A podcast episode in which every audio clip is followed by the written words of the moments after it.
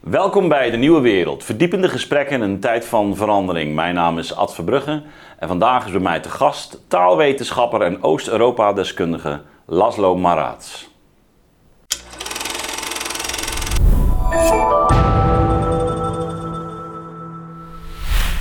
Laszlo, welkom. Dag Ad. Ja. Fijn om hier te zijn. Ja, heel, heel goed. Ehm, we hebben een ehm, maand of wat geleden met elkaar gesproken. Ehm, eh, we kennen elkaar vanuit de conferentie ook over taal ging. Daar gaan we het ook Ja. over hebben vandaag. toch even jouw, jouw eh, persoonlijke geschiedenis. Laszlo, waar, waar, hoe ben je hier terechtgekomen? Nou, ik ben eh, geboren en getogen in Nederland, in Mhm. Utrecht. in een tijd toen het heel gezellig was in Nederland. Hè? Ja. Dat was de jaren 60, 70. En mijn ouders waren in eh, 1956, naar aanleiding van de Hongaarse opstand, naar Nederland gekomen, gevlucht. eh, eh, overigens apart. Ze waren vrij jong eh, en eh, zijn in Nederland getrouwd. En hebben een gezin eh, gesticht. En eh, zodoende ben ik eh, in Utrecht geboren en getogen. Ja, Ehm, ja, die groep emigrees, vluchtelingen uit Hongarije. is het een grote groep geweest eigenlijk? Nou, niet zo. Het, waren, het was wel de, de eerste groep. Je had daarvoor natuurlijk wat, eh, wat Italiaanse en Portugese en Spaanse eh, gastarbeiders. Eh, Mhm. de- dat waren eigenlijk de eerste, hoe noem je dat? Ja, het, tegenwoordig noemen we dat mensen met, Met een migratieachtergrond. ja, maar goed, in, de, in die tijd heette dat gastarbeiders en het Ja. is daarna weer, werd het, eh, hoe heet het, allochtonen en noem maar op. Ja. Maar zij zijn echt asielzoekers geweest. Ja, zij zijn echt, echt de eerste grote groep asielzoekers. Hè? En, eh, eh, eh, ja, dat was natuurlijk een, een gemengde groep. Eh, het waren veel jonge mensen eh, in die groep, veel jonge gezinnen. Ook veel alleenstaanden. Ja. Het was ook beleid hè, van het kabinet eh, Drees. Want, want jouw, jouw vader en moeder waren ook actief geweest in... eh, Nou, mijn moeder was, eh, die woonde bij haar ouders Mhm. nog in Budapest. En haar vader was actief Ja, ja. In, het, in het verzet. En mijn vader was jong. Hij Mhm. was erg jong. Hij was, nog min, hij was eigenlijk een eh, kindasielzoeker. Hij was nog minderjarig. ah, Oké. En eh, ze stapte op een gegeven moment, eh, ze woonde vlak aan de, aan de Oostenrijks-Hongaarse grens. En eh, ze werkte in de suikerfabriek. En eh, toen eh, ja, de eerste dagen van de opstand uitbrak, toen ja, hebben heel veel jongeren de wijk genomen. Want ze waren bang dat ze opgepakt zouden worden en afgevoerd zouden worden naar Siberië. Dat was ook na de, aan het eind van de Tweede Wereldoorlog. Hadden de Sovjets eh, veel eh, Maar als een soort represaille ook? Of een, eh, ja, represaille. En men had natuurlijk in, in de opbouw, de wederopbouw in de Sovjet-Unie, had men ook arbeidskrachten nodig. Dus het was een, ook een mooie gelegenheid om, om jongeren gewoon van de straat te plukken en, en af te voeren. Dus daar waren ze ook erg bang voor. En toen zijn ze met eh, z'n drieën op een motor eh, eh, eh, richting de grens gegaan. En eh, ja, er was eigenlijk nauwelijks grensbewaking. En ehm, eh, toen zijn ze de grens overgegaan en kwamen ze in, in het vluchtelingenkamp Treiskirchen terecht, onder Wenen. En ze, ze hadden in die fabriek net van die gewatteerde Sovjet-kleding gekregen. Van, Ja. die dikke, van die dikke gewatteerde jassen. Een soort van die vliegeniers. eh, Ja, eh, precies. ja. ja. En daar, zaten ze dus op die motor. Dus een, stoere, een stoere eh, vertoning moet dat zijn geweest. Dus er stonden nog wat grenswachten en die hebben de boom, de hefboom opgehaald en toen mochten ze doorrijden. En hebben ze die motor daarachter gelaten. Die is later ook weer terug, teruggebracht naar Hongarije, want die was van de Mm. fabriek waar ze werkten. En in eh, ja, na twee dagen waren ze al van die gewatteerde jassen af. Er kwam een Oostenrijkse boer uit een van die dorpjes en die, wil, die zei, ja, die jassen die zien er perfect uit, die kan ik gebruiken. Willen jullie dat niet eh, ruilen voor een ton, een ton wijn? dus mijn vader en zijn vrienden hadden meteen te drinken in dat, in dat kamp. En, en waren ze ook hun spullen kwijt. En toen kwam, ehm, ja, toen kwamen natuurlijk de, de afgevaardigden, de vertegenwoordigers van de verschillende West-Europese landen. En die hadden natuurlijk een soort eh, een soort uitnodigingsbeleid hè, van, eh, van wat voor een soort mensen willen we uit die kampen Ja. toelaten. En ja, Nederland had het beleid veel jonge mensen. Eh, ook in Nederland was er natuurlijk behoefte aan arbeidskrachten. Eh, dus veel jonge mensen, jonge gezinnen en geen communisten en zigeuners. Oké. Ja. Eh, die mochten niet Ja. komen en die werden, dat stond ook in de regering. Ik heb die Ja. later die, die stukken gezien. En eh, eigenlijk wilden mijn vader en zijn vrienden naar Zwitserland, maar dat duurde een aantal weken.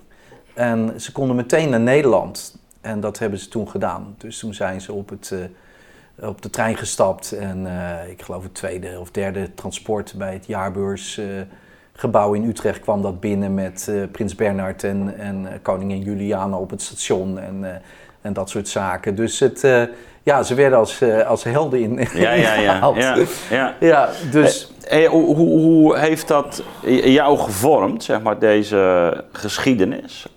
Wat, wat, ik bedoel, ik neem aan dat je, je, je zult je ook verdiept hebben in de, de achtergrond. Je bent ook inmiddels Oost-Europa-deskundige. Ja. Ehm, Nou, alles. eh, alles. Ja? dat heeft mijn hele leven getekend. De- ook als eh, we gingen in 1966 voor het eerst weer eh, op familiebezoek bij opa en oma in, eh, in Hongarije.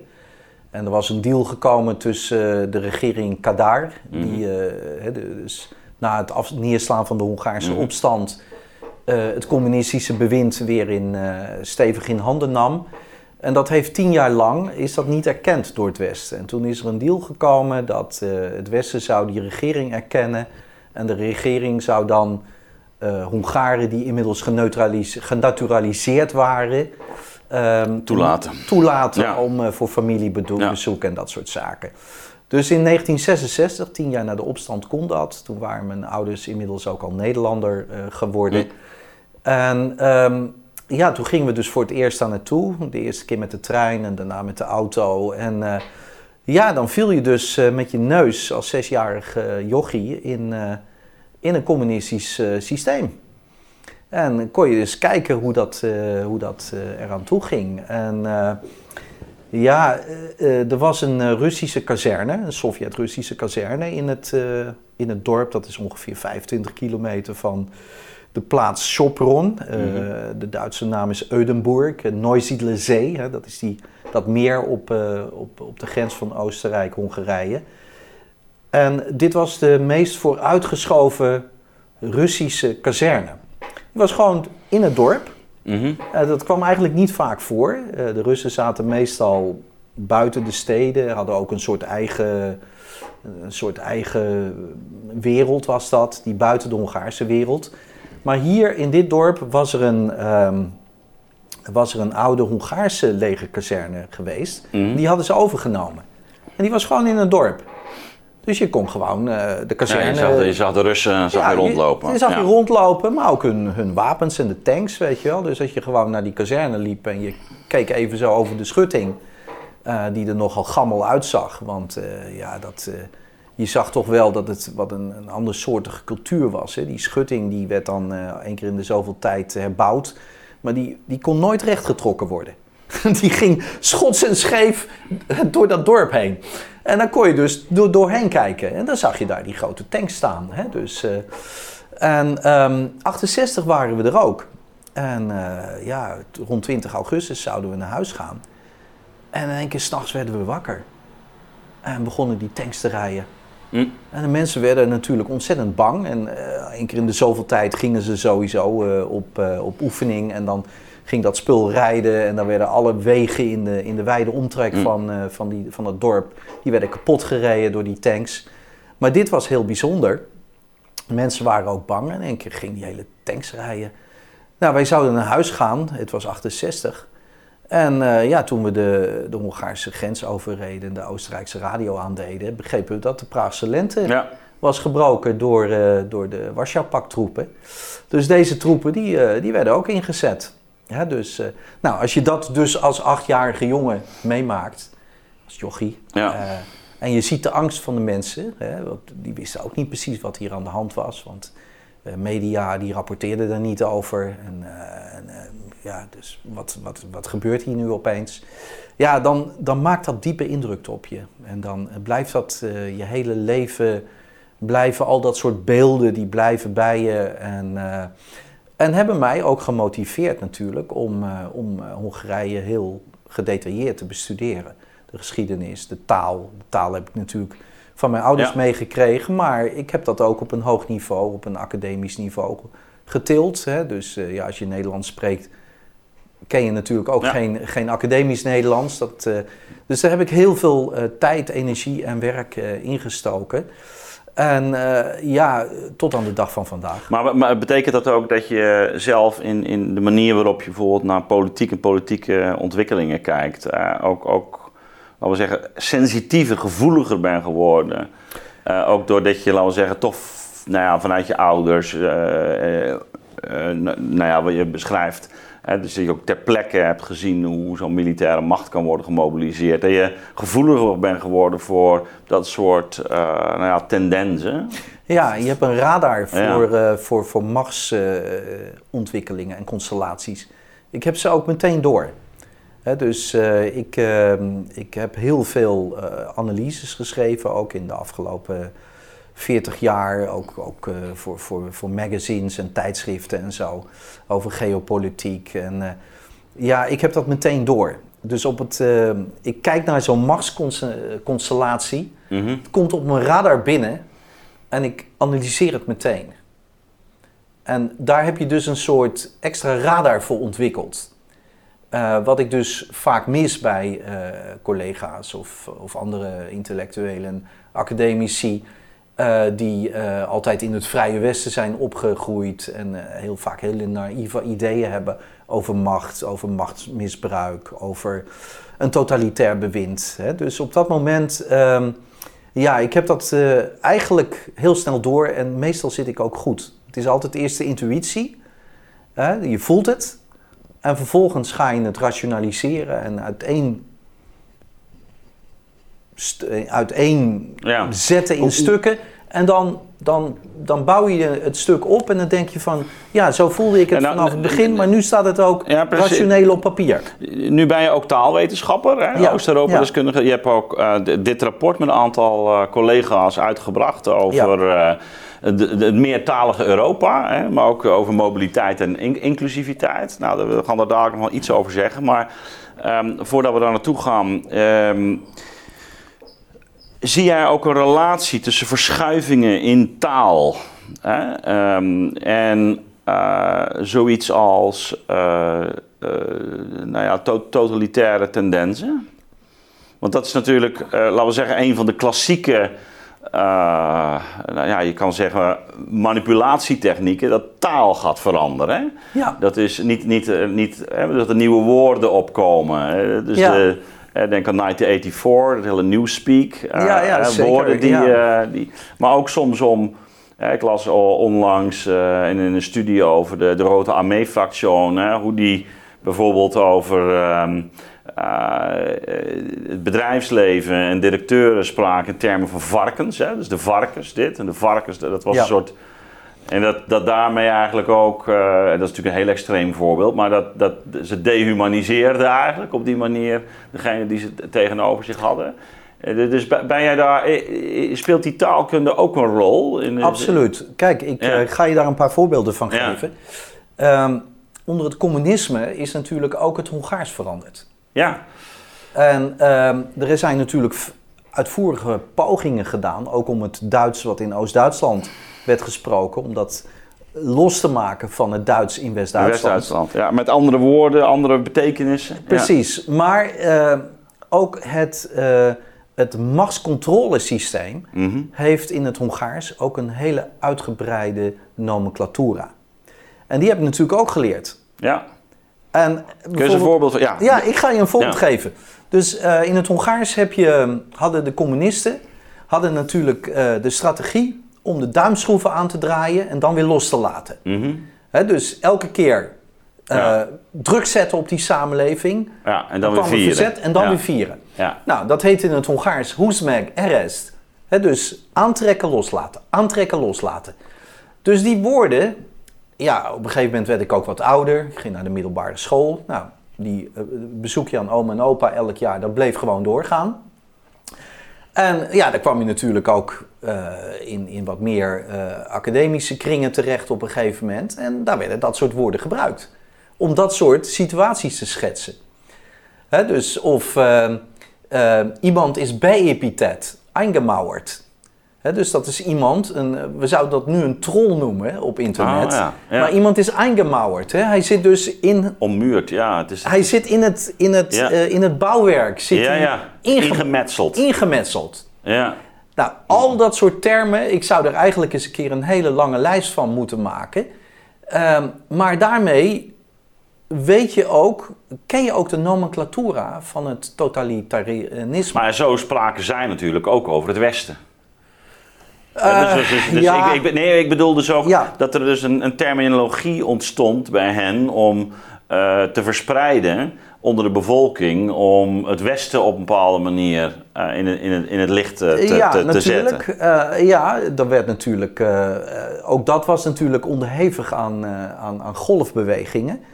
dus met name toen we detente hadden met Brezhnev en Carter, mm -hmm. dan voelde je dat meteen na 74 daar, eh, als je dan aan de grens kwam, dan was het opeens weer een stuk relaxer. Maar dat kon zo weer omslaan. Het jaar erop kon dat weer heel agressief worden. En uh, ja, dan werd de auto overhoop gehaald. Want ze zochten naar bijbels en wapens. Nee, Die had natuurlijk niemand. Want de meeste mensen kwamen gewoon... Hongaren uit het Westen kwamen op familiebezoek. En andere niet-Hongaren die gingen naar het Balatonmeer op vakantie en zo. Maar er was er weer zo'n golf. Hè? En, dan, en dan werden de duimschroeven weer aangedraaid. Um, maar goed, ook de interne programma, uh, propaganda natuurlijk. Hè? Dus uh, verder op de weg van Lenin, uh, Marx en Engels. Hè? Dat soort spandoeken zag je heel vaak. Um, dus, dus er was echt een poging om die taal wezenlijk te veranderen.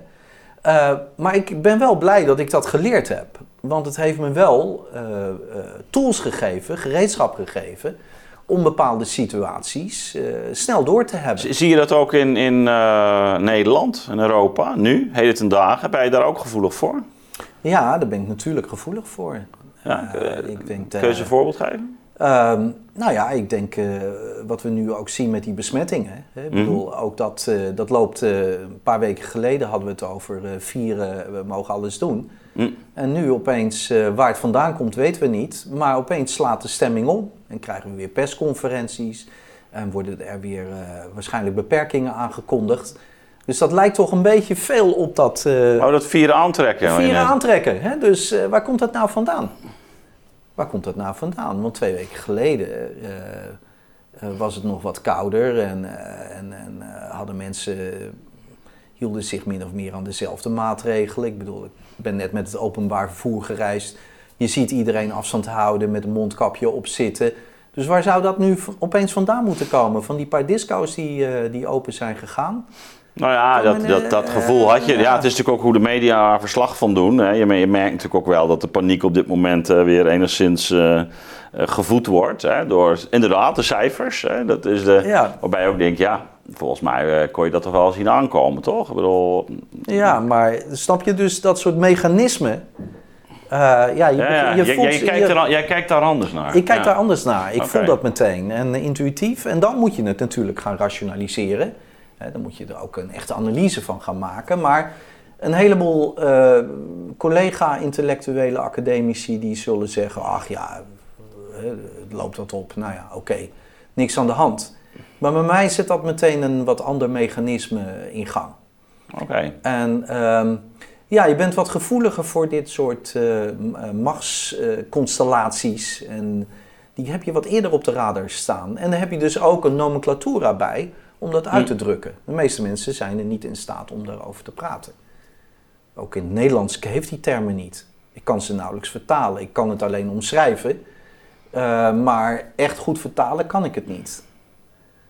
dus uh, dat, uh, ja, dat ingemuurd, hoe zou je dat moeten vertalen? Ja, misschien omdat wij er ook helemaal niet aan gewend zijn natuurlijk. Hè? Dus bedoel, die taal moet natuurlijk ook groeien vanuit, ja, vanuit ervaringen. En Ik denk dat uh, ja, voorlopig hebben we misschien lockdowns en zo. Hè? Dat, dat, dat, bedoel, dat, ja, maar dat hebben soort... zelfs daar hebben we geen Nee, Nederlands woord nee, voor. Nee, nee ja, maar, maar dat, dat, is, dat valt me sowieso op. Hè, dat, eh, maar ook, ook in Duitsland en zo. We nemen nu heel erg een soort WHO-terminologie over. Hè? Ja. Eh, ook- Nou ja, je ziet dat, eh, dat eh, hoe heet het, Eh, het Engels als een, eh, als een lingua franca. ja. Zie je ook hier heel duidelijk eh, op de voorgrond treden.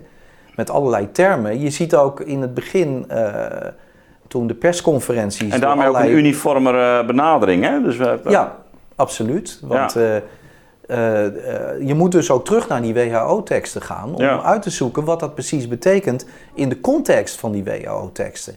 ja. Dan snap je het. Dat heb ik ook gedaan in het begin. Ik, elke keer als ik, als ik naar die persconferenties luisterde, ja, begreep ik toch soms niet helemaal goed wat er nu bedoeld werd. Omdat er zoveel Engelse termen werden Ja. gebruikt. ja. En dan ging ik terug naar die WHO-teksten en dan ga je dat, eh, dat eh, bekijken. En dan denk je, oh ja, dat, dat hoorde ik op die persconferentie. Want dat wordt er nou bedoeld met dit of dat, of met zus of zo. Ja, maar dat is natuurlijk, natuurlijk inherent natuurlijk aan de globalisering van wetenschap en, en, en techniek.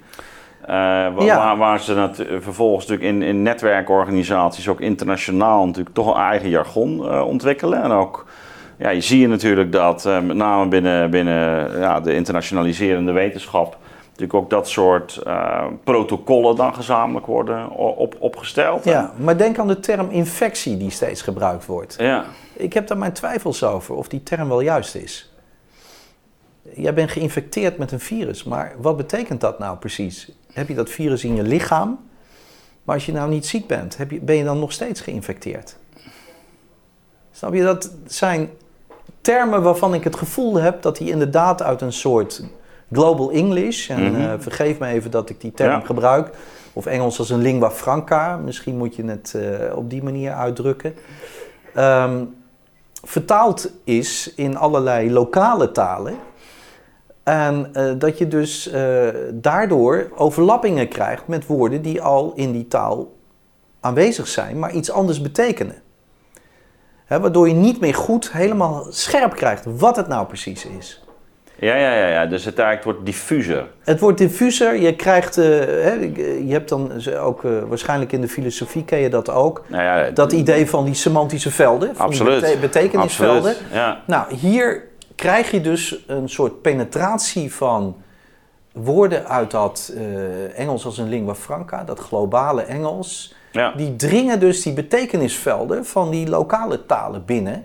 Waardoor er allerlei overlappingen ontstaan en allerlei hybride betekenissen. Waarvan jij als eh, gewoon burger die, eh, die weliswaar het globale Engels kent, Ja. maar ook je lokale taal, niet meer helemaal goed weet wat wordt er nu eigenlijk bedoeld. bedoeld. Ja, nou ja, daar hebben we natuurlijk volop gezien in heel die management eh, eh, terminologie. Hè? Dus die Ja. natuurlijk ook totaal anglo-saxisch is geworden. Ja. Hè, dat, dat er van al, allerlei modewoorden opkomen. Hè? Lean en mean en eh, agile en scrum en Ja, allemaal ja. Ja, het, het grappige is, ik, eh, je no- je noemde het eh, project, eh, Ja. eh, eh, mobiliteit in een, eh, in een, eh, en inclusiviteit, mobility and inclusion in the multilingual Europe. Dat was een FP7 tender die wij in 2013 eh, met mijn collega uit eh, Genève, Mhm. François Gren, eh, hebben gewonnen. Het was een oude Calvinistische lijn, hè? Amsterdam, Genève, aan, de, aan de, hoe noem je dat, aan de knoppen van Ja. dit project. En eh, nou, dat was natuurlijk een, eh, een, goede, eh, ja, een goede partner. Hebben we dit hele project opgezet met 22 eh, Europese instituten. En eh, ja, in dat hele circuit eh, om te tenderen moet je natuurlijk toch wel veel verkenningswerk doen. Hè? Want je kunt niet zomaar een tender Ja. indienen zonder dat je toch enige inside informatie verzamelt. Nou, een van de zaken die we hadden vernomen was dat je dus in een tender het Engels niet mocht bekritiseren. Dus het project mocht niet gaan, het mocht het Engels wel noemen Hm. als, eh, als een eh, globale communicatietaal, als een Ja. lingua franca, een globale lingua franca, maar mocht daar geen kritiek op hebben. Dus wij hebben het weggezet in een hoofdstuk met eh, lingua franca ehm, communicatietechnieken. Ehm, maar daar hoort natuurlijk ook kunsttalen bij, het Esperanto en ook andere technieken. Dus stel nou dat, eh, dat jij een andere moedertaal hebt dan ik en eh, jij vers- eh, maar wederzijds verstaan Ja. we elkaars moedertaal, kun je natuurlijk ook gewoon in eh, twee talen tegelijkertijd spreken. Ja. Ik heb dat vaak met Ja. mijn ouders gedaan. Hè? Dus Ja. zij spraken Hongaars, Ja, ik Nederlands. En eh, je ziet dat natuurlijk in heel veel eh, meertalige gezinnen. Hey, maar, maar, maar even, want dat is, dat is natuurlijk dat is int- interessant. Dus jullie hebben een, ja, een, want een tender is een soort beurs, hè? Die, die- Ja, een soort eh, competitie om een eh, subsidie ja, een, te een, krijgen precies. Een, van, van de Europese Commissie. Van de hè. Europese Commissie. En, en daar werd dus die voorwaarde aan Dus, verbonden. nou ja, informeel. Informe- informeel. formeel. Ja, dat, dat, ging eh, als gerucht in, het, in, dat, eh, in dat circuit. Eh, dus je mocht niet het Engels aanvallen. Hè? Je mocht niet zeggen, nou, er zijn andere lingua franca's. Dus toen, ja, maar wij wilden daar toch wel onderzoek naar doen, uiteraard. Omdat we, ja, ik denk dat... Maar, maar waar, waar, waar- wat zou de reden daarvoor kunnen zijn? Nou, dat, het antwoord hebben we gekregen in 2018. Toen hebben we het, eh, dit Vademecum eh Ja. eh, samengesteld. Dat zijn eigenlijk- netjes in het Engels, toch? Hè? Ja, Ook, we hadden ook het doel om het in andere talen uit te geven, maar ja, we, we konden dat ook niet, niet financieren. We hadden natuurlijk wel 22 eh, Ja. Europese universiteiten. Dus delen van dat programma en, en lemma's die hier zijn geschreven, die zijn natuurlijk ook in andere talen verschenen. Maar dat hele boek konden Ja. we niet meer in andere Ja. talen. Nee, maar goed, Eng- Engels is wat dat betreft ook de lingua franca. Daar hoeven we ook niet moeilijk over te Nee, doen. Maar, is, eh, maar wat, waar kwamen jullie achter dan? Nou ja, dat, kijk, we hadden natuurlijk. eh, dit boek gaat over de 72 belangrijkste beleidsvraagstukken aangaande Mhm. meertaligheid in Europa. Dat hebben we gewoon geïnventariseerd en we hebben. Iedereen van ons heeft ongeveer twee, één, twee, drie lemma's geschreven eh, over die vraagstukken. Vaak op twee pagina's, heel helder, met een kleine eh, literatuurverwijzing. En het doel was om de beleidsmakers van de EU te confronteren met 72 belangrijkste beleidsvraagstukken van Mhm. meertaligheid. Alle Europarlementsleden hebben ook een gratis exemplaar eh, gehad. Nou, 2018 hebben we dat eh, gepresenteerd in Brussel. Mhm. Dan hebben we een hoge ambtenaar van de Europese Commissie eh, uitgenodigd om het eerste exemplaar te overhandigen. Ja. Eh, dat was zeer interessant, want deze mevrouw, ik noem geen namen, Mhm. dat zou niet gepast zijn. Maar ja, die feliciteerde ons met het werk op meertaligheid. Mhm. Nou, wij waren natuurlijk zeer vereerd Ja? dat we een, hè, dit was een geweldig project. En toen zei ze op een gegeven moment, ja, maar het heeft helemaal niks met het Engels te maken. Oh, ja, dat is vreemd, want wij hadden toch ook een hele sectie over het Engels als lingua franca, maar één van de lingua franca's en één van de communicatiewijzen. Mhm. En toen zei ze van, ja, want het Engels is, eh, is een communicatiegereedschap, dat is geen taal. Nou ja, het gros van de mensen. Het waren trouwens niet alleen maar taalwetenschappers in dit project. Het was een heel interdisciplinair project. Economen, antropologen. Eh, op zichzelf wel een hele problematische uitspraak, hè? Ja, communicatiegereedschap. Ja. Het is een communicatiegereedschap. Dus ja, het Geen gros van de, van de mensen die viel van Ja. de stoel en dacht van, wat is dit nu, hè? Ja. Dus in feite, ons project ging wel over meertaligheid, maar het had helemaal niets met het Engels te maken.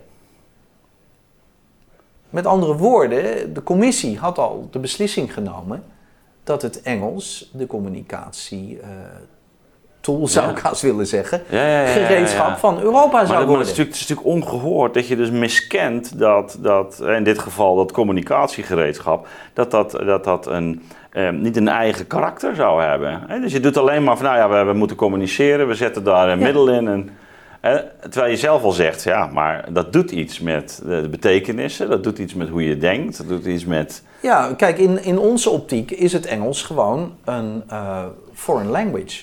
Ja, Het is een vreemde taal. Dus, Ja. eh, dus, dus kijk, ehm, al die verhalen over het Engels als een communicatiegereedschap, dat zou dus betekenen, en die trends zijn er ook in de wetenschap, ja, ja, ja, ja. om het. Engels als een soort hybride eh, taal, eh, ja, of eigenlijk een soort communicatiegereedschap af te beelden.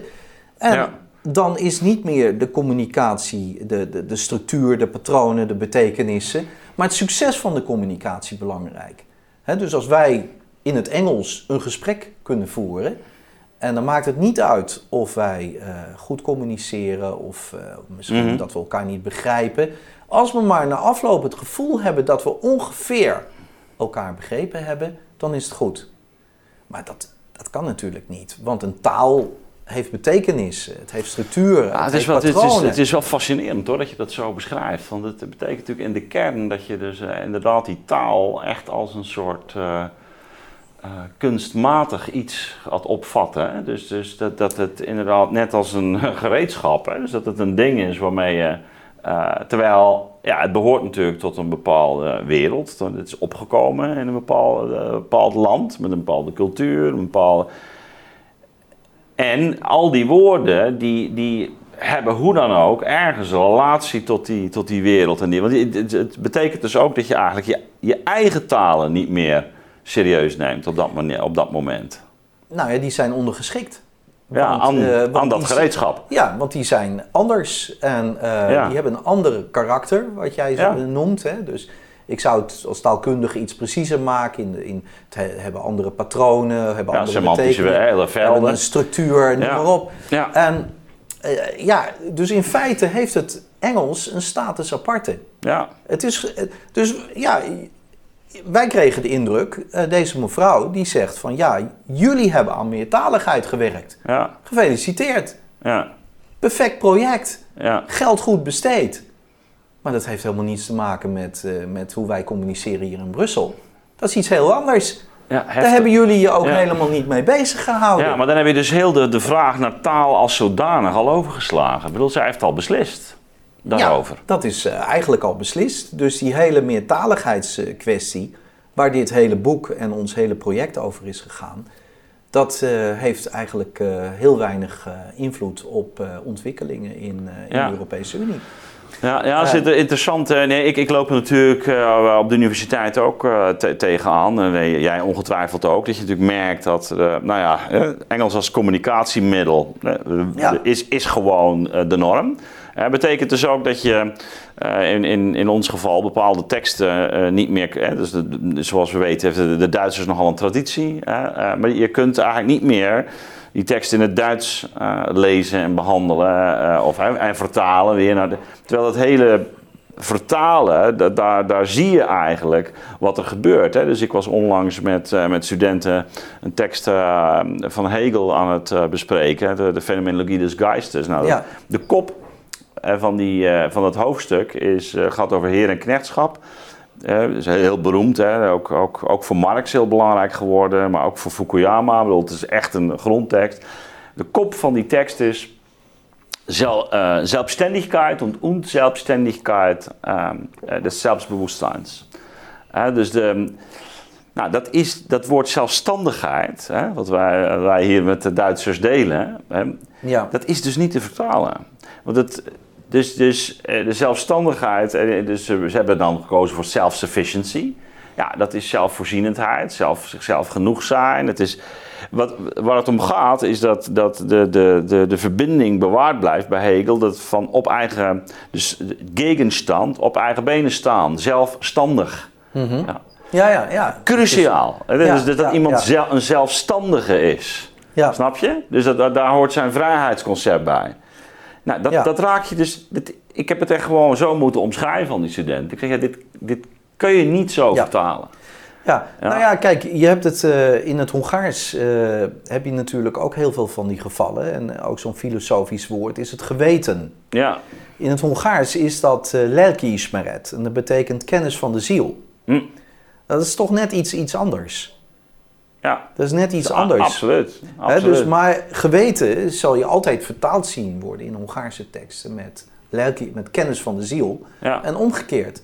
Maar geweten, daar zit natuurlijk iets eh, veel rationelers eh, bij. Terwijl kennis van de ziel, daar zit ook intuïtie, gevoel, ehm, eh, zelfkennis. Ehm, dus dat soort concepten. Het is een wat ander semantisch Ja. veld. ja. En ja, die talen zijn daar, die, dat luistert heel nauw. En als je dus dit ontkent en zegt, ja, de Nou ja, dat is exact wat ik bedoel. Hè. Dus, dat, Ja. eh, dus dat die, die gereedschapskist, die is natuurlijk wel degelijk geladen hè, met, met semantische velden. Ja. Die helemaal niet hoeven aan te sluiten bij uh, ja, hele diepe ervaringen en betekenissen die, die je in bepaalde streken en andere gebieden hebt. Hè. Dus, Ja. dus je, het- je, je krijgt, dat, heb ik, dat was ook altijd mijn, mijn ehm, kritiek op dat globish, hè, dus het risico echt van, van, van naar de- dat we naar de oppervlakte toe bewegen. ja, maar dat is ook wat die mevrouw beschreef. Dat globish. Hè? Het is Ja. gewoon een soort communicatiemiddel. Je kent wat Engelse woorden, je kent eh, heel beperkt de grammatica. En je gaat wat brabbelen. En, je, en het succes van, de, van de, eh, de communicatieve gebeurtenis, dat is eigenlijk waar het om draait. En en passant kun je heel veel misinterpretaties maken. Dat is allemaal niet erg.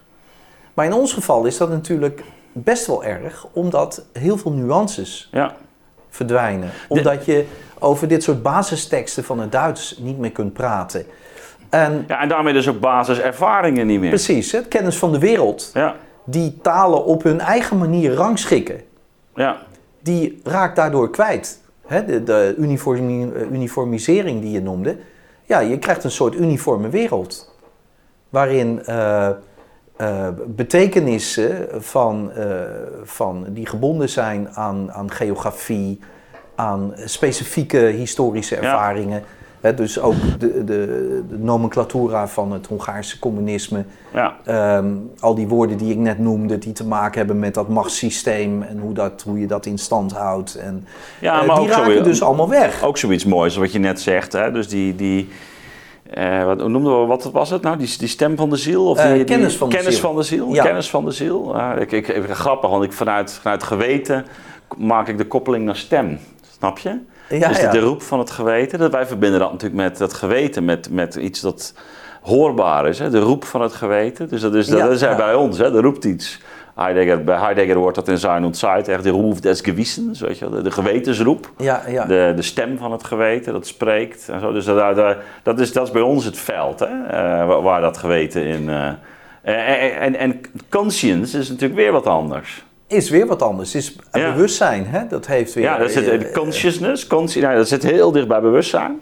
Ja. Dus de, de, Ja, dus kijk, al deze schakeringen hè, van Ja. al, op dat spectrum van betekenissen, die zijn natuurlijk belangrijk. En, en dus eh, taal is wel degelijk een, eh, ja, wat jij eh, in het begin noemde, heeft een eigen karakter, ja, een eigen identiteit. Dus op het moment dat jij eh, dat eigenlijk eh, eh, ja, ziet als een soort eh, wetenschappelijke zandbak, hè, want dat gevoel krijg je dan van ja, gaan, jij, gaan jullie maar lekker verder met het onderzoek naar meertaligheid en minderheidstalen en ja, migrantentalen. maar het doet er eigenlijk verder niet maar toe. want, eigenlijk eh, eh, hier in Brussel is dat al lang een gepasseerd station en hartstikke maar, maar, is, maar is dat ook echt zo in Brussel? Nou Want ja, je hoort toch dat- ook heel... Je, bedoel, na de brexit begreep ik ook al dat de Fransen nog dachten... misschien kunnen we het Frans er wel weer in fietsen als nou de... ja, kijk, het, eh, Ierland is natuurlijk de, de vaandeldrager van Ja. het Engels geworden. Dat is ook Ja. een, natuurlijk een, een paradox van de geschiedenis. Hè. Die arme Ieren die natuurlijk door dat Engelse imperialisme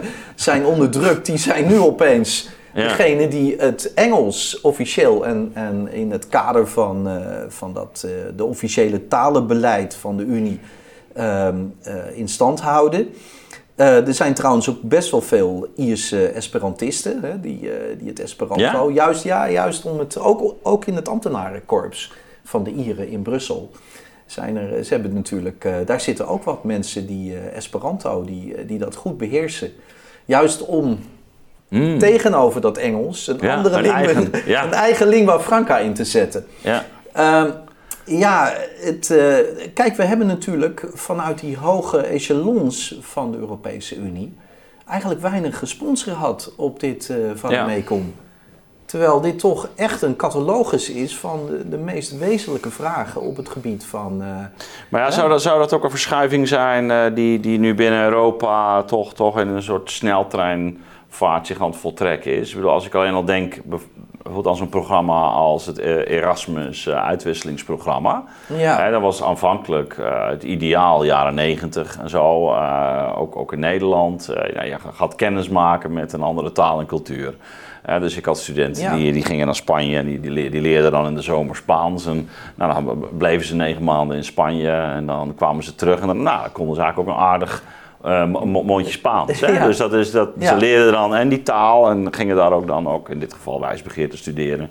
Eh, nou, bijvoorbeeld, of, of ze gingen naar Frankrijk of eh, eh, anderen naar Portugal. Dus je, je zag een soort uitwisseling. En, dat, en zo, zo kwamen er ook, ik heb nog wel Duitsers meegemaakt die naar Nederland kwamen, hier Nederlands leren. Maar nu zien we eigenlijk dat die uitwisseling eh, helemaal is verengelst. Dat is bij Ja. jullie ook, hè? op de UvA. Is helemaal, helemaal verengelst. Nou ja, kijk, ik... eh, Er is geen taal en cultuur meer die je leert. Nee, maar het is ook heel raar. Mensen komen, buitenlandse studenten hebben natuurlijk eh, met drommen gekregen Ja. in Nederland. We hebben ook een actief wervingsbeleid Ja. gevoerd. Ja. Maar wat is er nou eigenlijk op tegen dat iemand die uit, ik weet niet, Roemenië komt, in het Engels college krijgt, door onze collega en, Mhm. en onszelf, eh, dat hij eh, als taal het Nederlands zou leren? Ja, Wat is daar nou eigenlijk op tegen? Ik kom Ja. zoveel studenten tegen die, geen, die hogerejaars, ja. die geen woord Nederlands spreken. Die, maar, eh, maar die zitten hier. Ja, het is eigenlijk eh, wat, wat, wat we in eerder... een soort bubbel. ja, die eh, zitten echt in een bubbel. in een bubbel. Het globe is bubbel, hè? Ja, Dus en die hebben, eh, dan vraag ik wel eens, ben je wel eens in Friesland geweest? Hè, Friesland, hè? We hebben, eh, wat is dat? Ik zeg, nou, dat is heel gezond om eens een keer lekker in het weekend Hm. eh, de stad uit te gaan. En Ja. eens lekker in het, eh, op het platteland eh, is, is wat rond te toeren en te fietsen en, en frisse lucht te ademen. En eens even rond te kijken naar... Ja, je eh, krijgt ook een idee van, eh, wat- hè, van, van, laten we zeggen, de mensen, het land waar, waar je verblijft. Ja, absoluut. En eh, hè, dus onderwerpen die, eh, die belangrijk zijn, die op de agenda staan, politieke cultuur, ehm, eh, noem maar op. Ik bedoel, eh, eh, Nederland is niet hetzelfde land als Roemenië. En Roemenië is niet hetzelfde land als Polen. En is Polen Ja. is niet hetzelfde land als Duitsland. ja, maar dat, dat, vaag Hè, dus, je, dat, eh, dat veeg je eigenlijk weg. Hè? Ja, dat... dat ja, dus eh, je komt in zo'n eigen internationale bubbel te zitten. Ja, en eh, kijk, en, en dan hebben wij natuurlijk als oplossing eh, op de universiteiten dat we die verschillende trajecten hebben. Je doet een Nederlands traject en een Engels traject. Ja, Maar wat is er eigenlijk op tegen om een docent die uit het buitenland komt, een, een native, een moedertaalspreker Engels, om die in het Engels te laten doseren? Maar Hm. de studenten die in de groep zitten, eh, die hij begeleidt, eh, waarom zouden die niet gewoon in het Nederlands, in hun eigen moedertaal, vragen Hm. kunnen stellen aan die docent? ja, Wat is daar eigenlijk op tegen? ja. Nee, dat kan niet, want dan moet er een apart traject worden geopend. Waarom niet meertaligheid onder het dak van, het, van dezelfde college? ja. Want dat weet jij natuurlijk net zo goed als ik. Ehm, Engels is niet het onze moedertaal. Dus als wij een artikel schrijven in het Engels, heeft dat een slechte kwaliteit. ja taal, taalkundig gezien, Taalkundig eh, gezien ja, leveren is- die natuurlijk ongelooflijk veel in. Ja, en Ja. Het, eh, eh, het betekent ook dat er nog een correctie moet plaatsvinden door Ja. een moedertaalspreker. Vaak brengt dat ook kosten met zich mee, in ieder geval tijdverlies.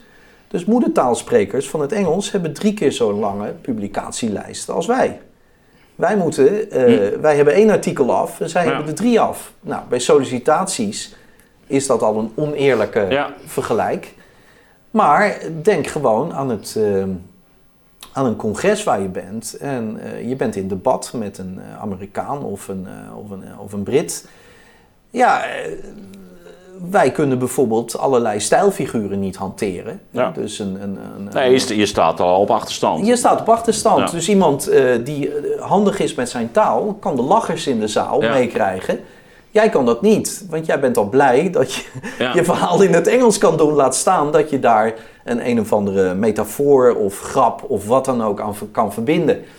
Dus, dus eh, dat betekent dat, eh, eh, en, en daarom is natuurlijk wat die mevrouw in Brussel zei zo misleidend. Want het is natuurlijk geen communicatiemiddel. Dat is het misschien voor ons als een lingua franca. Ja, Maar het probleem is natuurlijk de moedertaalspreker. Want en, ja, Amerikanen en Britten hebben nu eenmaal dat voordeel. En de vraag is of dat in eh, de 21ste eeuw, waarin we bezig zijn elke dag met, eh, met fairness, met ja eerlijkheid. en met diversiteit. en met diversiteit, of dat wel Ja. eerlijk is. Ja. Hè? Dus, eh, Uh, ik heb een tijdje ook. Uh... Nee, maar goed, dat debat, dan zie je ook dat dat debat rond diversiteit. dat verengt natuurlijk dan al heel snel naar, naar, naar, naar gender en huidskleuren. Echt eigenlijk biologiseerd. Hè? Dus de, de, de culturele diversiteit wordt steeds uh, eigenlijk miskend. We zien steeds weer uniformiteit. En we gaan die diversiteit juist in de richting van het, het, het, het, het lichamelijk-biologische doen. Hè? Dus dat... Ja, wat eigenlijk de discussie helemaal niet zou moeten zijn. Uh, ik, uh, ik heb ook uh, afgezien van dat ik tegenwoordig scherm heb ik ook nog gevoetbald. Ja. Op een hoog niveau in Utrecht bij Elinkwijk. Mm -hmm. A-junioren. een elftal lager zaten jongens als Van Basten. En in de C-junioren ja, ja. speelde mhm. Vanenburg. Dus het was een, echt een, een, een, een, club waar op hoog niveau werd gevoetbald. toen al amateurs. Uh, maar er speelden veel uh, jongens van, uh, van Surinaamse afkomst. En ja, dat was helemaal geen punt. Nee. Ik bedoel, ja, nu realiseer ik me dat opeens. Maar in de tijd dat ik voetbalde, waren dat gewoon teamgenoten. Maar ik, ik, ik, ik, ik, herken dat hoor. Dus dat, dat, dat, ik herken dat. Dat is natuurlijk enorm... Ja, die, dus ook dat racisme is, is voor een deel... Denk ik is dat debat best terecht, daar gaat niet om. Maar het is ook wel aangescherpt. Hè? Dus door ook overigens, als je het hebt over uh, de invloed van het Anglo-Saxische, het is, zeker in Nederland ook, ook aangewakkerd, ook op onze universiteiten, mede als gevolg eigenlijk van, nou van dit type eh, internationalisering. Hè? Dus dat, je, dat er een jargon en een soort strijd die in Amerika misschien begrijpelijk is en op, op zijn plaats, dat die toch zomaar één op één wordt vertaald naar de Nederlandse situatie, hè? Die toch echt anders is, maar daar wel op eenzelfde, in eenzelfde taal terechtkomt. Hè? Dus, ja, uh... maar kijk, onze situatie is ook anders in Europa, omdat wij die taaldiversiteit hebben. Ja. En ja, daar kom je niet zomaar van af. Dat zijn natuurlijk uh, taal en identiteit is heel sterk. In Oost-Europa heeft men, is etniciteit, is taal. Ja, ja, ja. Is geen ras. Ja dus, um, En ook uh, westerse wetenschappers die begin 20e eeuw schreven over Oost-Europa, hadden het over race. Different races hm. in Austria-Hungary. Ja. Maar daar werd niet mee bedoeld ras, daar werd bedoeld, mee bedoeld etniciteit. En hm. etniciteit was taal. Ja, ja. waren taalverschillen. Dat, ja. En dat, uh, dus uh, het adagium in veel van de Oost-Europese landen is ook: de natie leeft in zijn taal. Ja. En uh, dat betekent dus dat uh, je heel gevoelig moet zijn voor die taaldiversiteit. Ja, en dat wordt natuurlijk nu weggedrukt door, absoluut. door die uniformisering van het Engels. Nou ja, kijk, het, het, is als je vraagt aan de, Nederland, aan de Nederlander, hè, waarin zijn een, een identiteit dan bij uitstek naar voren komt onderzoek gedaan vorig jaar, volgens mij, door het Centraal Cultureel Planbureau. Zegt, geloof ik, 85% zegt, ja, dat is Nederlandse taal. dus dat, dat zien, ik denk dat er meer is hoor, maar, maar dat noemen ze in ieder geval zelf. Hè. En, en, terwijl we ondertussen in onze opleiding eh, op het hoogste niveau, universiteit, eigenlijk daar heel weinig aandacht meer uh, aan schenken. Sterker nog, die wordt verbannen op sommige universiteiten. Um, het, en notabene hebben we begin 21ste eeuw, hè, die periode rond Fortuin, natuurlijk heel erg gezegd van nou ja, ehm, onderwijs in eigen taal en cultuur. Uh, lange tijd geprobeerd in de jaren 90, maar zet in op taal, taal, taal. Hè, want uh, kinderen komen op achterstand als ze dat Nederlands niet goed beheersen. Dus we krijgen een. Je krijgt heel. Dus de, dus de, de bovenkant van onze samenleving nu, uh, die zweert, nou, of die, die wordt in ieder geval opgeleid in een taal die, die niet de eigen is. Nou, het is geen taal, het is een communicatiemiddel. communicatiemiddel. Communicatiemiddel. taal uh, bestaat niet meer. Het is een communicatiemiddel. En, en, en, en, tegelijkertijd zeggen voor integratie moet je dus Nederlands doen. Hè? Dus je krijgt in Amsterdam ook iets heel vreemds. Ja, maar wij hebben natuurlijk ook gekeken naar, een aantal mensen van ons hebben ook gekeken naar uh, taalinclusiviteit. Mm -hmm. Maar als je ziet dat die meeste inburgeringsprogramma's, die zijn natuurlijk ook behoorlijk uitgekleed in Europa. dus uh, uh, wat je ziet is dat uh, hier ook het idee dat ja, het Nederlands, dat moet je zelf bekostigen. He, je haalt mensen hier naartoe of ze komen hier naartoe, dat weet ik niet. Maar in ieder geval duiken ze op. Mm -hmm. heel anders dan de groep 56ers uit Hongarije ja. in de jaren 50, in het, in, het, in het hart van de Koude Oorlog. Maar mensen komen hier, of ze worden gehaald. Uh, Maar dan zou je zeggen, dan is er een stevig inburgeringsprogramma voor taal. Ja. Want daar gaat het uiteindelijk om. Want je, ik neem aan dat de mensen het Nederlandse recht en de staatshuishouding en de grondwet niet in het Engels gaan lezen. Nee. Nee, dus Ook een beetje op de hoogte willen blijven. ja, en de krant willen lezen en naar het nieuws eh, volgen. Hè, dus, eh, en met je buren. En dan wordt er zoiets gezegd van, nou ja, zo iemand die leert dat dan wel van zijn buren. Maar in, in hoeverre zit daar ook niet achter het idee van het Nederlands is een communicatiemiddel in Nederland zelf. Ja. Ja. Dat is hetzelfde Ja. soort idee. Ja. Je hoeft eigenlijk het Nederlands niet te leren als je maar kunt communiceren Ja, in dan het kun je ook in het. Engels. Dan kun je ook in het Engels. Dan kun je het ook in het Engels. Ja. Hè, ga maar naar Amsterdam eh, en loop daar Ja. in de Kalverstraat een winkel binnen. is eh 90% kans dat de mensen die daar eh, spullen verkopen je in het Engels aanspreken. Ja.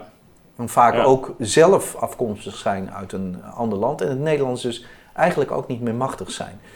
Dus, dus er is ook een raar idee ontstaan over wat, eh, wat de rol van taal is, of talen bestaan. En dat heeft dus te maken met die druk van die eh, uniformisering van dat, eh, van dat Engels. Ja. En waarbij het dieptepunt voor ons was in 2018 die uitspraak van nou gefeliciteerd met jullie project over meertaligheid. Maar ja, wij hebben daar verder niks mee.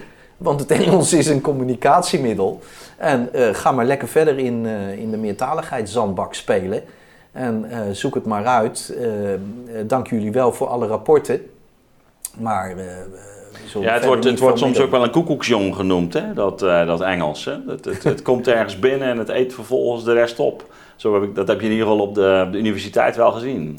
Nou ja, wat je ook ziet is dat sommige mensen nauwelijks meer hun eigen taal spreken. Ik kom ook mensen in Oost-Europa tegen die dan een soort eh Hunglish spreken. En een, eh, Ja? en, hè, dus, dus op een gegeven moment wil men dan meedoen met wat men dan denkt dat de grote wereld Ja. is. En dan ontstaat er een soort mengtaal van, eh, van het Engels en een lokale taal. En dat is, dat is werkelijk. Op een gegeven moment weet je ook niet meer wat, eh, wat zo iemand bedoelt en wat hij nou eigenlijk te zeggen heeft. Ehm, hè, dus, dus Ja, want dat is dus, het, het, het, het, vergroot natuurlijk ook de kloof tussen, laten we zeggen, de, degenen die hoger opgeleid zijn en, en de lager opgeleiden. Hè? Dus, Ja, dus dit, is, dit is eh, al een van de prangende socia- sociale kwesties natuurlijk van de toekomst. Dus die groeiende kloof tussen hoger en lager opgeleiden. Maar dat wordt nu ook eigenlijk taalkundig gemarkeerd. Hè? Dus, dus Ja, zit je in het eh, jargon van dit globish of zit je meer in de lokale taal eh, van de, lager eh, opgeleiden? ja, het ondermijnt ook het idee van dat er burgers zijn. Hè? Dus dat er een soort ja. samenleving Een gedeelde is. publieke ruimte die cultiveert. Ja. Ja. waar ook burgers optimaal gebruik van kunnen maken. Ja. Hè, dus, dus het is eigenlijk ook een, een aanval op de burgersamenleving. Ja, Door mensen absoluut. hun, hun taal te ontnemen eigenlijk. Hey, en zie, zie jij nou ook, eh, bijvoorbeeld, nou, we hebben een handdiscussie over Hongarije. Eh, Ja. En je hebt daar eh, van binnenuit ke- kennis van. Er is heel wat te doen geweest over nou, die wetgeving in Orbán. Eh, Ja. eh, eh, eh, dat heeft natuurlijk ook met taal en cultuur te maken. Eh, Zeker. Is, is, is die verwarring toegenomen? Bijvoorbeeld, want ik weet nou niet precies... Het zal wel, denk ik, niet een heel sympathieke wet zijn vanuit het Nederlands perspectief. Maar, maar heb jij een indruk daarvan? Wat, wat daar... Ja, ik heb natuurlijk. eh, de, ten eerste wat je altijd moet doen, denk ik, in dat soort gevallen, is de wet in de originele taal lezen. Ja, Hè, dus Ja. wat we vaak zien is dat we een eh, soort interpretaties krijgen. Dat geldt niet alleen voor Hongarije, maar ook voor heel veel andere gevallen. Mhm. Waar je een soort textuele interpretatie krijgt via het Engels. Ja, En dan weer terugvertaald naar andere talen. ja, ja, dat, ja. En, en dat is hier ook het geval. Deze wet gaat over in eerste instantie over de bestrijding van pedofilie, kinderprostitutie, kinderhandel en dat soort zaken. Mhm. Inderdaad, de, woorden, eh, de term homoseksualiteit komt vier keer in die tekst voor. Eh, eh, in verband met eh, het, eh, het, het aanbieden van seksualiteiten, seksuele vormen van de minderheid Mhm. aan kinderen. Maar de essentie van de wet gaat natuurlijk niet over homoseksualiteit. Het gaat over pedofilie.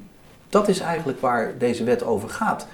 Dus het is heel moeilijk, denk ik, als je de Hongaarse tekst. Ja, ja dus, leest. dus dat framen Omdat- als anti-homo-wet, dat is een... Dat, Dat is eh, een, een soort spin, een, een soort maar, ja, is, interpretatie. ja, maar dat is echt een spin ook. Eh, Dat is een interpretatie die, eh, die je aan de wet kunt toekennen, maar daar gaat de wet eigenlijk nauwelijks over.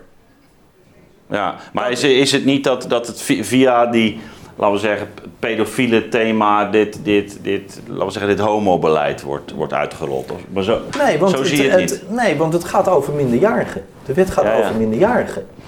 Dus eh, er wordt eh Het, gaat, homoseksualiteit... het is eigenlijk een wet rond eh, minderjarigheid en seksualiteit. Daar gaat het eigenlijk over. Ja, ja, ja. En waarbij de hoofdmoot gaat over kinderprostitutie, het bestrijden van kinderhandel, pedofilie, het strenge bestraffen van pedofielen. Bijvoorbeeld staat er ook heel duidelijk in die wet. Dus er is natuurlijk, eh, ja, dat is natuurlijk ook een reactie, denk ik, op, een, eh, op, op eh, Hongarije in de jaren negentig. waarin toen Boedapest, een anarchistische toestand Ja, de val van de muur, waarin Boedapest een soort seksueel paradijs was, waarin alles, eh, Ah, eh, waarin alles eh, zich. Maar ook met vormen van onderdrukking en, Ja, en- en misbruik. en misbruik en kinderhandel en, en prostitutie en kinderprostitutie en noem maar op. Ja, daar is dit nu een wat verlaten, vertraagde, Mm. sterke reactie op. Daarbij komt natuurlijk dat, dat Hongarije, maar ook de regio, hè, denk de, de Visegrad-samenwerking Mhm. met Polen, Slowakije, ehm, Tsjechië, ehm, eh, landen als Slovenië, Kroatië, zijn natuurlijk toch de opvolgerstaten van, de, van het oude Habsburgse Rijk. Ja, ja, dat eh, en, precies. en ja. kijk, het Habsburgse Rijk is geen toonbeeld, toonbeeld van, van liberale wetgeving, maar het was wel een rechtsstaat. En dat hebben deze landen ook. Ik bedoel, ik denk niet dat ze van de ene op de andere dag een heel liberaal nee. seksueel beleid zullen gaan voeren. Maar juist die wetgeving die ontwikkeld wordt, is juist, heeft tot doel om de rechtsstaat te versterken. Hm. Om ook in dit geval kinderen en hun ouders te beschermen. Daar gaat die wet over. Nou ja, als je die niet leest, maar je, je krijgt allerlei interpretaties van die wet via, alle, via het Engels of via allerlei andere talen, ja, dan ontgaat je de essentie ervan. En dan eh, ben je ook stom verbaasd als je dan teruggaat naar de brontekst en ziet van, ja, maar daar gaat deze wet Ja, helemaal ja. niet over. Nee, het is, ik, ik ken het ook alleen maar vanuit tweede hand. Hè? Dus, Ja, dus ik, ja. ik kan er echt geen oordeel over vellen. Maar eh, het is goed om te horen in ieder geval van jou Nou dat, ja, dat, we die- je- dat we een iets bredere context eh, Ja, je, hebben. je maar- ziet natuurlijk ook dat eh, het afschaffen van het onderwijs in de kleine talen, hè, wat, eh, wat Mhm. ook jarenlang aan onze universiteit het beleid is geweest, van eh, uiteindelijk dat je eigenlijk alleen nog maar het Engels overhoudt. Want ik begrijp ook dat er zeer weinig studenten eh, zich nog intekenen voor, voor Duits en het ja, Frans. en ja, dat nee, dat is echt... eh, dat is, eh, dat maar het is eigenlijk bizar, hè? we hebben het dus over een, een verenigd Europa. Iedereen heeft Europa. En we doen eigenlijk steeds minder om, om ons te verdiepen in elkaars cultuur of land. Hè? Dus, Ja, dat is, dat is dus op die manier zie je, en daar draagt natuurlijk ook dit, dit soort discussies, zijn niet verhelderend. Want het, Ja. het, het zorgt alleen maar voor meer polarisatie. We weten ook helemaal niet zoveel van elkaar. nee, We kennen Nee. ook onze eigen geschiedenis niet. Eh, er is een hele rijke traditie van Hongaars-Nederlandse Ja. samenwerking. ja. Ja, je hebt nu het gevoel dat, er, eh, dat eh, de situatie tussen Hongarije en Nederland in een conflict Ja. terechtgekomen is. ja. Terwijl we het op basis van de protestantse contacten, maar ook sportcontacten, muziek en er is zoveel. Ik heb me daar een heel leven mee bezig gehouden en ik ben dat overal in mijn Hm. leven weer opnieuw tegengekomen. En dan denk ik van ja, maar het wordt nu vernauwd tot een soort eh, seksueel verhaal. En eh, ja, eh, nog even en ja. die 40 jaar die ik besteed heb aan het, aan het, het- het- het bijbrengen van. Nou ja, jij, gevoel jij bent de belichaming van die twee werelden. Ja, Die- absoluut. Ja, ik heb me natuurlijk altijd ingezet om Ja. Nederlanders iets bij te brengen en beter Hongarije te laten begrijpen en omgekeerd. ja. En daar was natuurlijk taal een belangrijke eh, kwestie in, zoals we ook dit gesprek zijn begonnen. Met geweten en zielskennis en dat soort zaken. En ja, nu ontstaat er een gepolariseerde situatie rond een, eh, ja, een, een wetgeving. Ehm, die een heel, heel klein aspect is van eh, Hongaars-Nederlandse contacten. Ja, en uh, ik denk dat dat niet de Europese samenwerking uh, ten goede zal komen. Ja. Dat, dat, drijft de boel uit elkaar. En in een uh, geopolitiek tijdvak, tijdsgevricht, waarin, ja. waarin juist Europa zou moeten proberen om een soort tussenpositie in te nemen tussen China, Rusland en misschien wel de Verenigde Staten. Hè, zie je dat Europa eigenlijk door dit soort uh, onbegrip en wanbegrip van elkaar niet in staat is om, om samen te werken. Ja, maar dat, dat merk je natuurlijk ook op rond hele andere thema's. Hè. Neem, neem het hele coronadebat of nou, inderdaad de diversiteitsdiscussie. Die polarisering die vindt nu eigenlijk op, op, op allerlei domeinen plaats. En dan kenmerk daarvan is natuurlijk bijna de, de, de, de, grote symbolische ladingen die er aan bepaalde beelden en uitdrukkingen uh, wordt gegeven. Dus, uh, dus gevaccineerd, niet gevaccineerd is, is uh, nu ja. zo één. Hè? mondkapjes, dat is ook. Het is eigenlijk alles is, is, is beladen geworden. En je merkt meteen van, oh ja, wacht, niet gevaccineerd, oh dan ben je wappie. weet je, dus het is een soort. Het is een, een, ja, een, een reflex waarin je eigenlijk dat gesprek ook niet meer. En ik herken ja. dit ook in, de, in dat debat rond Hongarije. nogmaals, ik, ik weet er niets van, ik heb er geen overzicht in. Maar je en ziet ik, dat het dialectisch is geworden. Ja.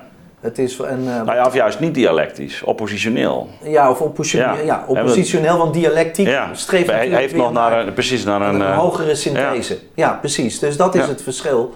Uh, dus wat dat betreft ja, zijn we weer terug in een soort koude oorlogstoestand. Waarin we natuurlijk ook niet naar die synthese streefden, maar in de, de, het andere deel van de wereld echt als, als tegenstander werd gezien. En waar je af en toe op gezette tijden op los kon gaan. En dan weer kon vieren. Hè? Dan ja. Ja, ja, aantrekken, vieren, aantrekken, vieren. vieren. Nou, daarmee is de cirkel rond. ja. Uh, hey Laszlo, ontzettend bedankt voor, je, voor je komst uh, hier. En uh, nou ja, laten we hopen toch dat uh, de talen zich nog steeds blijven roeren. En wel op de goede manier.